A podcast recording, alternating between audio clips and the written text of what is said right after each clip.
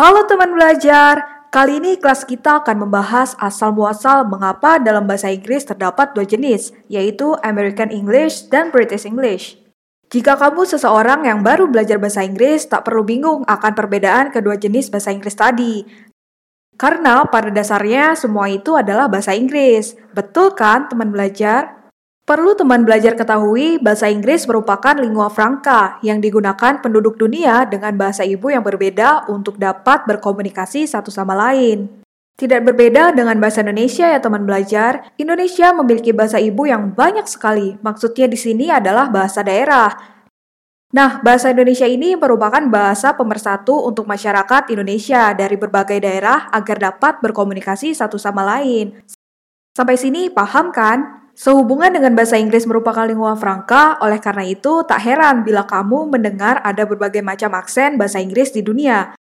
Karena memang terkadang aksen tersebut dipengaruhi oleh aksen bahasa asli si penutur itu. Sebenarnya aksen bahasa Inggris yang diakui di dunia hanya ada dua macam, yaitu American dan British. Sebelum membahas lebih lanjut tentang American dan British English, alangkah lebih baiknya teman belajar mengetahui bagaimana persebaran dan penggunaan kedua aksen tersebut di dunia. Bahasa Inggris dibawa ke Amerika oleh bangsa Inggris yang tiba di benua Amerika melalui berlayar pada abad ke-16 dan 17. Saat itu belum ada sistem ejaan standar. Cara penulisan semua kata dalam bahasa Inggris baru ditetapkan pada awal abad ke-18 setelah kamus-kamus paling pertama disusun. Di Inggris, kamus disusun oleh pakar bahasa di London, sementara di Amerika, penyusun kamus bernama Noah Webster, ia diduga mengubah ejaan untuk membedakan ejaan Amerika dari Inggris, karena ingin menunjukkan bahwa Amerika punya budaya yang mandiri dari negara asalnya.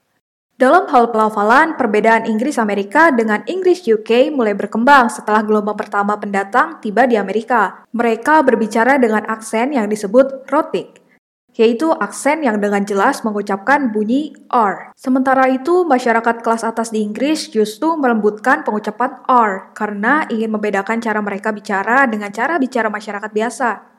Mengingat kaum elit selalu dijadikan contoh tata perilaku, anggota masyarakat lain pun ikut meniru cara bicara mereka. Akhirnya, cara bicara inilah yang lazim ditemukan di wilayah selatan negara Inggris. Orang-orang Inggris selalu bermukim di Jamestown, Virginia pada tahun 1607. Pemukiman ini dianggap sebagai pemukiman pertama di Amerika Serikat. Selanjutnya, Amerika Serikat terus didatangi oleh orang-orang Inggris, orang Prancis, Spanyol, dan Belanda juga bermukim di sebagian Amerika Serikat. Pada tahun 1770-an, 13 koloni Inggris meliputi 2,5 juta penduduk datang ke Amerika Serikat. Koloni-koloni ini tumbuh dan berkembang dengan pesat serta mengembangkan sistem politik dan hukum sendiri. Meskipun demikian, perkembangan koloni-koloni Inggris berakhir tidak baik bagi penduduk asli Amerika, karena banyak dari mereka yang tewas akibat penyakit dan mereka kehilangan negeri mereka.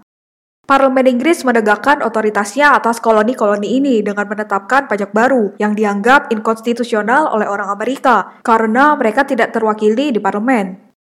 Konflik yang memanas berujung pada perang penuh yang dimulai pada April 1775, di mana rakyat Amerika berjuang untuk melepaskan diri dari kepemerintahan Inggris.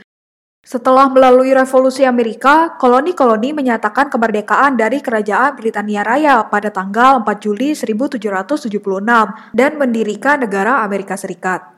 Nah, setelah melihat sejarah yang tadi, itulah mengapa bahasa Inggris bisa terbagi menjadi dua jenis, yang sekarang ini diakui oleh seluruh dunia. Ketika menggunakan suatu bahasa, kenali juga ya sejarahnya. See you teman belajar!